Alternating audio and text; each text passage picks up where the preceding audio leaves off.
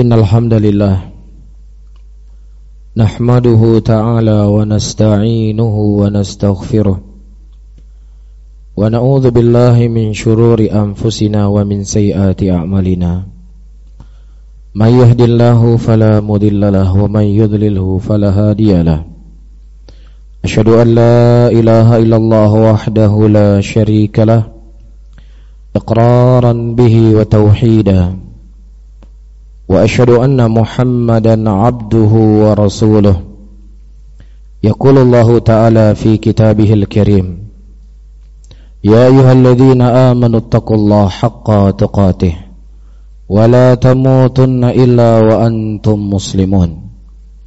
يا أيها الناس اتقوا ربكم الذي خلقكم من نفس واحدة وخلق منها زوجها وبث منهما رجالا كثيرا ونساء واتقوا الله الذي تساءلون به والأرحام. إن الله كان عليكم رقيبا.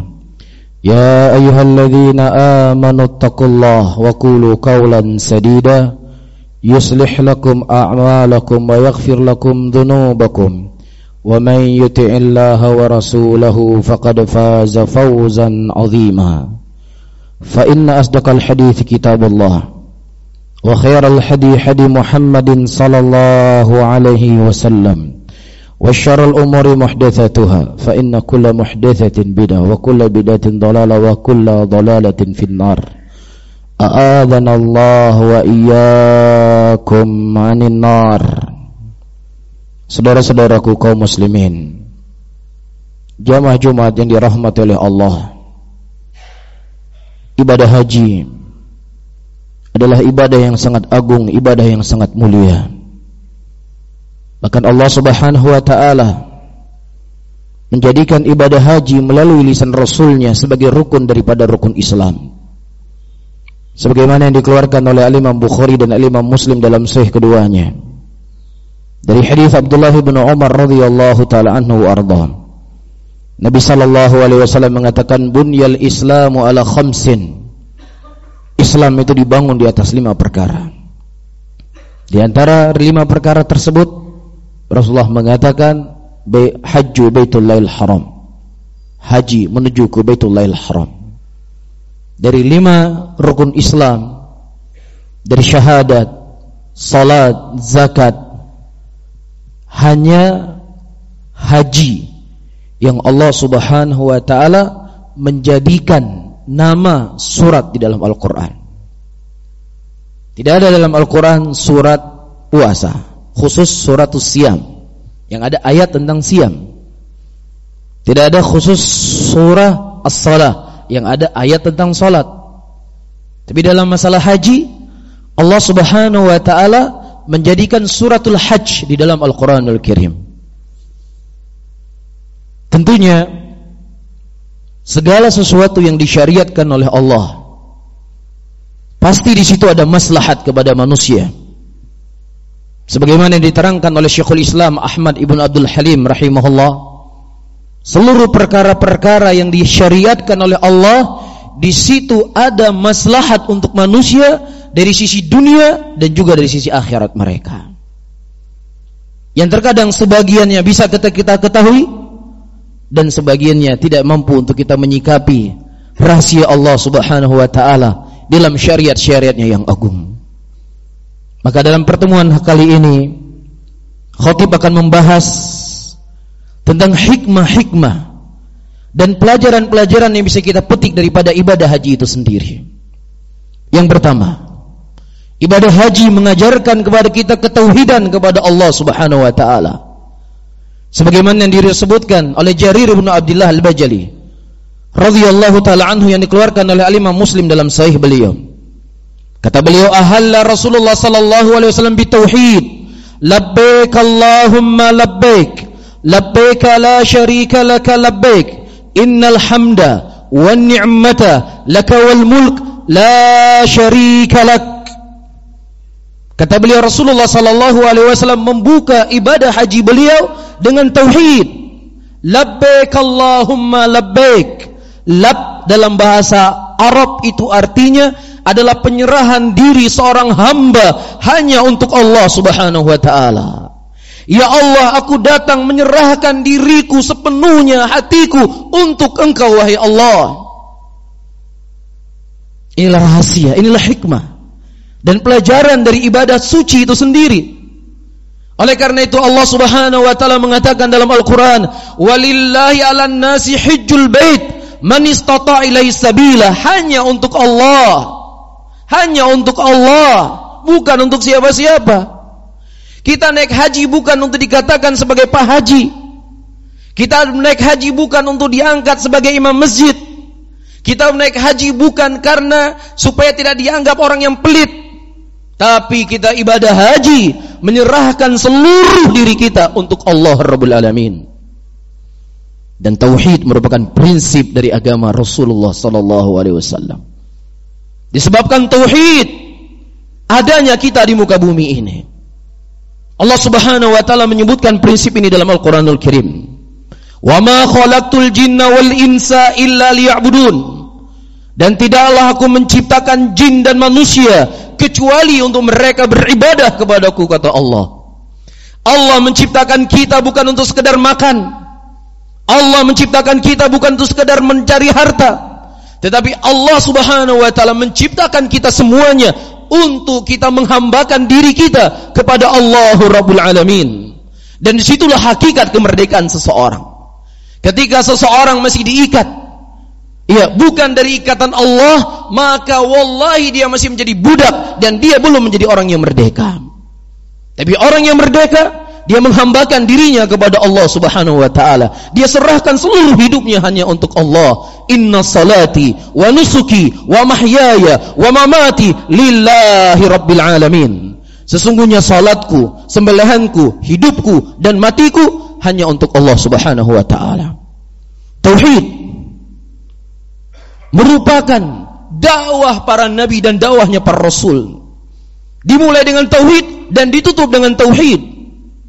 Kalau kita membaca sejarah diutusnya nabi kita Muhammad sallallahu alaihi wasallam setelah diturunkan Iqra bismi rabbikal ladzi khalaq Allah Subhanahu wa taala menurunkan ayat setelahnya Ya ayyuhal muddathir kum fa'anzir wa rabbaka fakabbir wa thiyabaka fatahir warrujza fahjur.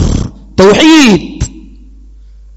Allah Subhanahu wa taala memerintahkan kepada rasulnya untuk mensucikan hatinya dari segala bentuk noda-noda kesyirikan dan menghancurkan segala simbol-simbol kesyirikan. Ini dakwah awal perintah yang Allah memerintahkan Rasulullah sallallahu alaihi wasallam.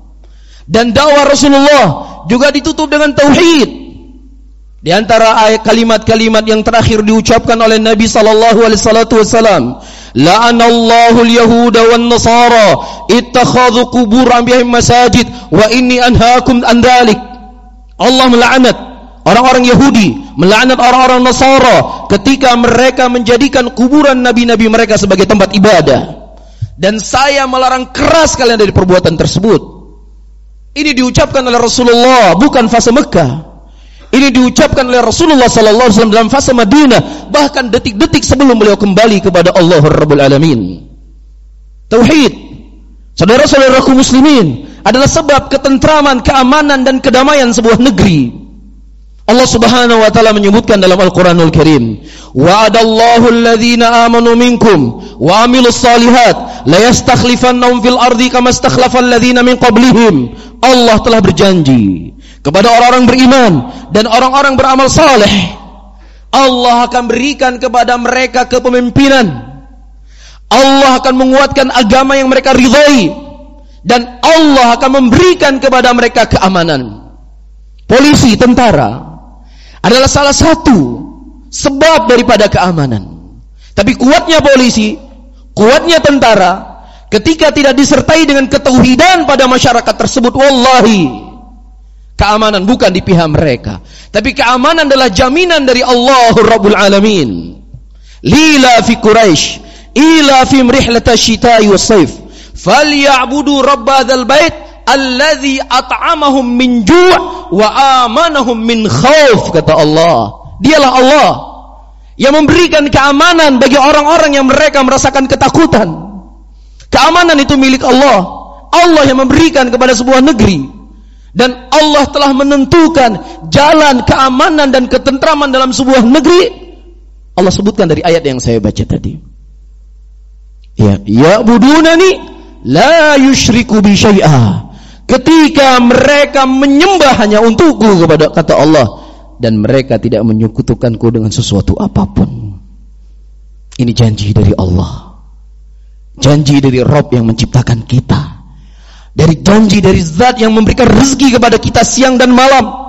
Keamanan akan dijamin oleh Allah. Ketika penduduk negeri tersebut mereka beribadah hanya kepada Allah, mereka berdoa hanya kepada Allah, mereka bertawakal hanya kepada Allah, mereka menyerahkan diri mereka hanya untuk Allah. Di situ Allah akan menjamin keamanan untuk mereka. Tauhid juga akan menyelamatkan seseorang dari kekekalan dari api neraka. Allah Subhanahu wa taala menyebutkan di dalam ayatnya, "Alladzina amanu wa lam yalbasu imanahum bidzulmin ulaika lahumul amnu wa hum muhtadun." Orang-orang yang beriman adalah orang-orang yang mereka tidak mencampur aduk keimanan mereka dengan kezaliman, yaitu dengan kesyirikan. Apa yang mereka dapatkan? Allah Subhanahu wa taala mengatakan mereka akan mendapatkan keamanan keamanan kekekalan dari api nerakanya Allah Subhanahu wa taala dan mereka akan mendapatkan petunjuk di sisi Allah Rabbul Alamin. Sehingga konsekuensi daripada tauhid itu sendiri yaitu seseorang memurnikan ibadahnya hanya untuk Allah dan tidak beribadah kepada selain dari Allah Rabbul Alamin. Nabi kita Muhammad sallallahu alaihi wasallam sebagai manusia yang paling terbaik di muka bumi ini tidak ada orang yang lebih suci dibandingkan Nabi Muhammad sallallahu alaihi wasallam. Tetapi Allah Subhanahu wa taala meminta kepada rasulnya untuk menyampaikan kepada seluruh manusia, "Qul la amliku li nafsi naf'a wa la darra." Katakanlah ya Muhammad, sesungguhnya aku tidak bisa memberikan manfaat pada diriku sendiri dan aku tidak bisa menghilangkan mudarat dari diriku sendiri. Ini Rasulullah lah bagaimana kemudian seseorang menggantungkan keamanannya daripada jimat? Gimana seseorang menggantungkan kesuksesannya daripada jimat? Atau dari benda-benda yang dibuat oleh manusia? Ibadah haji memberikan pelajaran buat kita saudara-saudaraku muslimin. Ketika kita disyariatkan untuk tawaf, di antara sunnah ketika orang bertawaf adalah mencium hajar aswad. Dan di antara semua benda yang ada di muka bumi ini, apakah keris yang ada dimiliki oleh fulan, atau keris yang dimiliki oleh alan, ataukah rencong yang dimiliki oleh fulan, ataukah batu giok yang dimiliki oleh fulan, ataukah jampi-jampi yang ditulis oleh si fulan, tentunya tidak ada yang lebih hebat dari Hajar Aswad. Hajar Aswad adalah batu yang datang dari surga Allah. Yang disunnahkan bagi muslimin untuk mencium Hajar Aswad. Tetapi ketika Umar bin Khattab radhiyallahu taala anhu datang ke Hajar Aswad dan beliau ingin mencium Hajar Aswad, beliau mengatakan, "Ya Hajar, innaki Hajar, la tadur wa la tanfa." Wahai batu, kamu cuma sekedar batu. Kamu tidak bisa memberikan manfaat dan juga kamu tidak bisa memberikan mudarat. Kalau seandainya aku tidak melihat Rasulullah sallallahu alaihi wasallam menciummu, aku tidak akan mencium kamu. Batu dari langit, batu dari surga. Tidak bisa memberikan manfaat. Tidak bisa menghilangkan mudarat. Bagaimana lagi kemudian kita menjadikan keris-keris, batu-batu giok untuk memberikan keselamatan bagi kita? Keselamatan itu datang hanya dari Allah Rabbul Alamin. Dengan cara apa yang telah diatur dalam syariat ini. Itulah tanda-tanda atau jalan-jalan keselamatan yang bisa kita tempuh. Yang kedua, saudara-saudaraku muslimin, jamaah Jumat yang dirahmati oleh Allah. Pelajaran yang bisa kita petik dari ibadah haji Syariat itu mengumpulkan. Syariat itu mempersatukan. Dan selain daripada syariat itu akan memecah belah. Para jamaah haji. Dari mulai tanggal 8 Zulhijjah. Seragam mereka seluruhnya. Mulai melakukan ibadah haji. Ya, mereka mengambil ya tempat mereka berhaji dari mana mereka tinggal. Berangkat ke Mina. Keesokan harinya mereka berkumpul di Arafah pada tanggal 9. Ketika matahari tenggelam, mereka menuju ke Muzdalifah. Ada sebagian mereka meninggalkan Muzdalifah di tengah malam, ada sebagian mereka di pagi hari selesai sholat subuh. Mereka bergerak untuk melempar jamarat pada tanggal 10 Zulhijjah. Dan kemudian mereka melakukan ibadah tawaf ifadah. Kemudian mereka jamarot tanggal 11, 12, 13 dengan keseragaman. Syariat menyatukan manusia.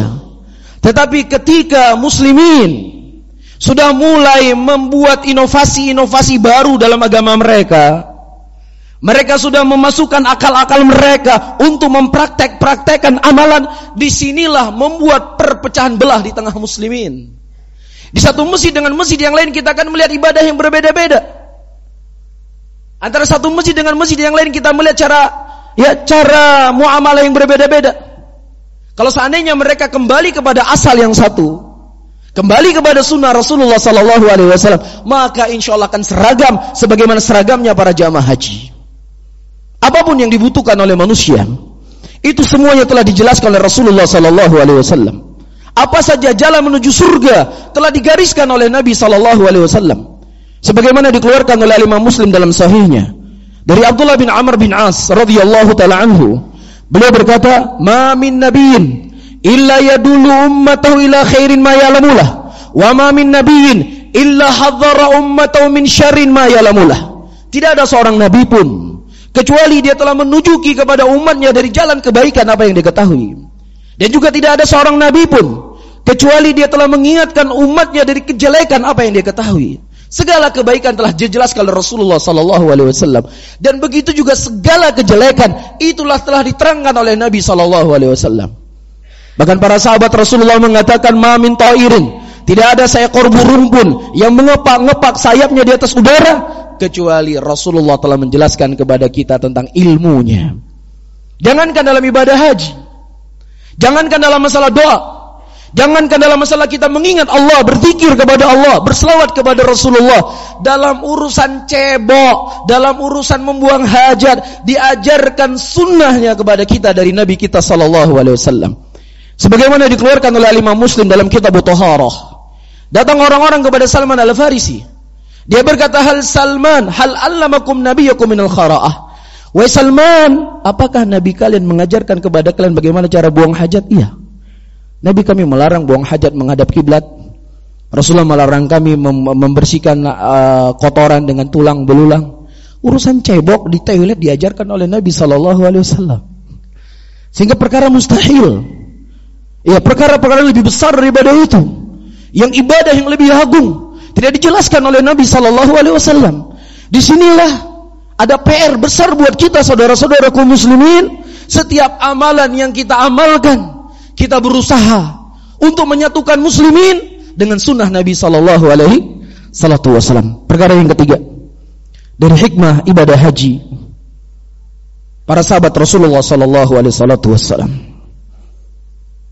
ketika mereka melihat sesuatu perkara di dunia ini mereka selalu memikirkan perkara akhirat.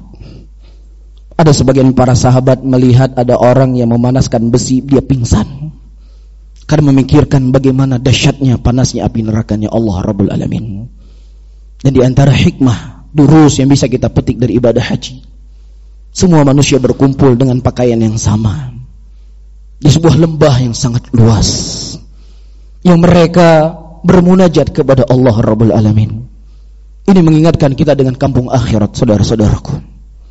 Mengingatkan kita kepada yaumul qiyamah mengingatkan kita kita semua akan kembali kepada Allah Subhanahu wa taala akan mempertanggungjawabkan seluruh apa yang telah kita amalkan di dunia ini akan mempertanggungjawabkan seluruh apa yang pernah kita ucapkan di muka bumi ini sampai-sampai Rasulullah sallallahu alaihi wasallam mengkhabarkan kepada Aisyah radhiyallahu taala anha yub'atsun nasu yaumal qiyamah manusia nanti dibangkitkan di yaumul qiyamah dalam keadaan mereka tidak disunat dalam keadaan mereka tidak punya sendal dalam keadaan mereka telanjang. Kemudian Aisyah radhiyallahu taala anha berkata, "Ya Rasulullah, apakah seseorang tidak melihat aurat antara satu dengan yang lainnya?" Mereka dibangkitkan dalam keadaan telanjang laki-laki dan perempuan. Dari semenjak manusia yang pernah diciptakan oleh Allah sampai akhir manusia yang pernah diciptakan oleh Allah di muka bumi ini. Terjadi tsunami di Banda Adi Aceh. Kekuatan yang begitu keras, besar Lalu lantakan Aceh, mati 300, meninggal 300 manusia pada waktu itu. Tapi masih sempat berpikir untuk mengambil televisi. Masih sempat berpikir untuk mengambil harta di bawah kasur yang dia simpan. Masih sempat untuk mengambil sarung. Padahal musibahnya begitu dahsyat terjadi. Tapi di yaumul qiyamah para hadirin, ketika Aisyah radhiyallahu taala anha bertanya dengan pertanyaan yang cukup normal, "Ya Rasulullah, tidakkah mereka akan saling melihat antara satu dengan yang lainnya?" Kemudian Nabi sallallahu alaihi wasallam mengatakan, "Ya Aisyah, perkara yaumul qiyamah adalah perkara yang sangat mengerikan. Perkara yang sangat dahsyat sehingga seseorang tidak sempat berpikir untuk melihat aurat satu dengan yang lainnya. Bahkan seorang ibu, kalau sekian tahun dia tidak bertemu dengan anaknya, ketika dia bertemu dengan anaknya pasti dia akan peluk.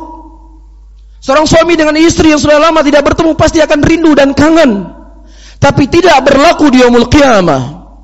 Tidak berlaku ketika manusia dikumpulkan di padang masyar.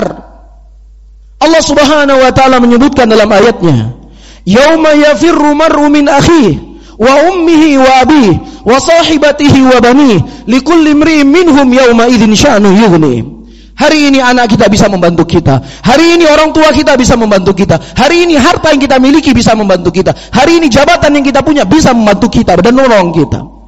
Tapi di mulai kiamah Allah ingatkan kita semuanya saudara-saudaraku muslimin sebagai bentuk kasih sayang Allah kepada kita untuk kita persiapkan diri menyambut datangnya hari kiamat.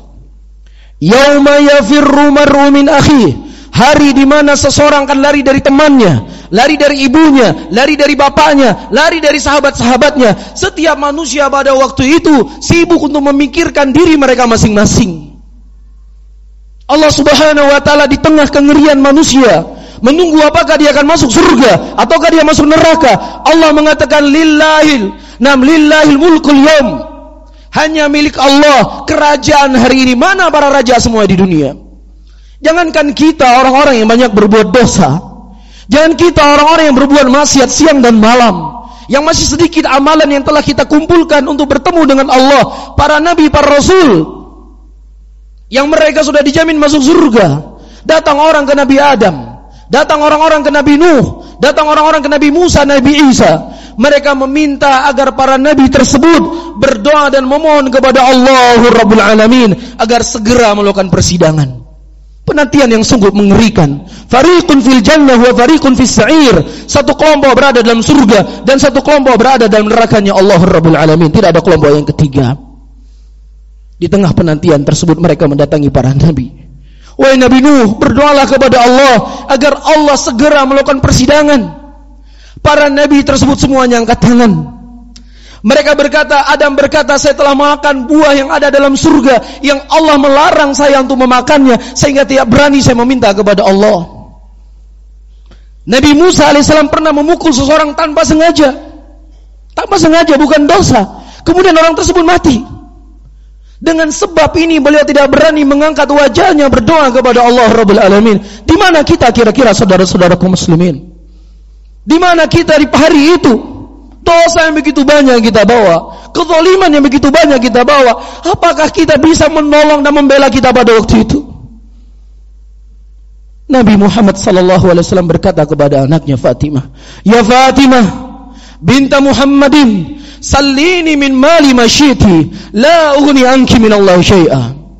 Wahai Fatimah putrinya Muhammad, mintalah dariku dari harta apa yang kau inginkan dariku. Tetapi aku tidak akan bisa membelamu nanti di hadapan Allah kecuali iman dan amal yang kau bawa untuk bertemu dengan Allah Rabbul Alamin. Persiapkan itu semuanya saudara-saudaraku muslimin. Itu sangat dekat dengan kita.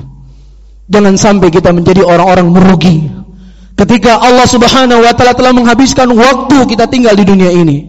Kemudian Allah bangkitkan kita di yaumul qiyamah. Dan kemudian Allah masukkan kita ke dalam nerakanya. Di situ kita menangis, di situ kita menyesal. Rabbi laula akhartani ila ajalin qarib fa asaddaqa wa akum minas salihin. Ya Rabbku, akhirkan sejenak kematianku ya Allah agar aku bisa bersedekah, agar aku bisa menjadi orang yang saleh ya Allah. Aku ingin bertobat ya Allah. Aku ingin beristighfar ya Allah. Aku ingin berbuat baik ya Allah. Aku ingin salat ya Allah. Aku ingin naik haji ya Allah. Sudah habis waktunya para hadirin. Tidak ada kecuali kita menanti keputusan Allah. Apakah kita akan masuk ke dalam surga ataukah masuk dalam neraka? Ini hari yang mengerikan. Persiapkanlah dengan hari itu. Persiapkanlah hari itu dengan amalan saleh. Jauhi dosa, jauhi maksiat bekallah berbekallah dengan kebaikan dan ketakwaan karena itu sebaik-baik bekal untuk kita bertemu dengan Allah Rabbul Alamin. Dan terakhir, daripada hikmah dan durus yang bisa kita petik dari ibadah haji. Islam bukan agama yang egois. Islam adalah agama sosial. Islam adalah agama yang sangat memperhatikan keadaan manusia. Islam bukan agama yang eksklusif, yang hanya mementingkan diri sendiri dalam ibadah haji. Disyariatkan bagi para jamaah haji dengan haji tamattu untuk mereka menyembelih al-hadyu. Faman tamatta bil umrati ila al-haji famastaysara min al-hadi. Barang siapa yang seseorang melakukan ibadah umrah yang kemudian dia tamatu sampai ke hajinya, maka siapa yang mudah untuk mereka menyembelih al-hadyu. Dan para ulama sepakat dari madhab Syafi'iyah, Malikiyah, Hambali dan Hanafi, ya, di antara yang paling afdol atau perkara yang paling afdol untuk disembelih pada hadyu adalah unta, kemudian sapi, kemudian kambing. Kalau dia tidak mampu, dia berpuasa tiga hari di kota Mekah dan sisa tujuh harinya di negerinya. Kepada siapa dibagi? Kepada fakir miskin Mekah. Dan kita yang tidak berangkat haji di sini, ya disyariatkan juga berkurban di hari raya. Dalam mazhab Syafi'iyah dibagi menjadi tiga. Sepertiga kita makan, sepertiga untuk fakir miskin, dan sepertiga kita hadiahkan. Ini di antara yang menunjukkan Islam bukan agama yang egois. Hari raya kita ingin makan enak. Hari raya kita ingin istri dan anak-anak kita makan daging. Begitu juga saudara-saudara kita muslimin yang sebagian mereka menunggu hari raya untuk mereka bisa menikmati daging. Tapi kalau orang-orang yang punya kemampuan tidak mau berkurban di hari raya, saudara kita menunggu setahun sekali bahwa bapak-bapak ini muliakan oleh Allah. Setahun sekali mereka menunggu untuk bisa makan daging. Hari ini kita bebas kapan pun kita bisa makan daging. Namun ada saudara-saudara kita yang fakir, yang miskin. Makan daging merupakan sebuah kenikmatan buat mereka. Maka hidupkanlah sunnah yang mulia ini. Ya, untuk kita bersama-sama berhari raya, bergembira. Ya, seluruh muslimin yang kayanya, yang miskinnya, semua bergembira di hari raya tersebut. Ini menunjukkan keagungan dan kemuliaan Islam itu sendiri dan kita berdoa dan memohon kepada Allah agar Allah Subhanahu wa taala selalu menjadikan kita bagian dari kalangan muslimin sampai kita Nah, dicabut nyawa oleh Allah Rabbul Alamin. Barakallahu li wa lakum fil Qur'anil azim wa nafa'ani wa iyyakum bima fihi minal ayati wa dzikril hakim. Fataqabbalallahu minni wa minkum innahu samii'un alim. Alhamdulillah. Alhamdulillah hamdan katsira tayyiban mubarakan fih. Mubarakan alaih. Kama yuhibbu rabbuna wa yarda. وأصلي وأسلم على نبينا الكريم محمد وعلى آله وأصحابه ومن تبعهم بإحسان إلى يوم الدين. يقول الله تعالى في كتابه الكريم أعوذ بالله من الشيطان الرجيم. بسم الله الرحمن الرحيم.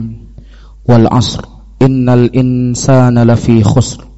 إلا الذين آمنوا وعملوا الصالحات وتواصوا بالحق وتواصوا بالصبر. إن الله وملائكته يصلون على النبي. يا أيها الذين آمنوا صلوا عليه وسلموا تسليما. اللهم صل على محمد وعلى آل محمد كما صليت على إبراهيم. إنك حميد مجيد. اللهم اغفر للمسلمين والمسلمات والمؤمنين والمؤمنات الأحياء والأموات. ربنا آتنا في الدنيا حسنة وفي الآخرة حسنة وقنا عذاب النار. آخر دعوانا وأقيموا الصلاة.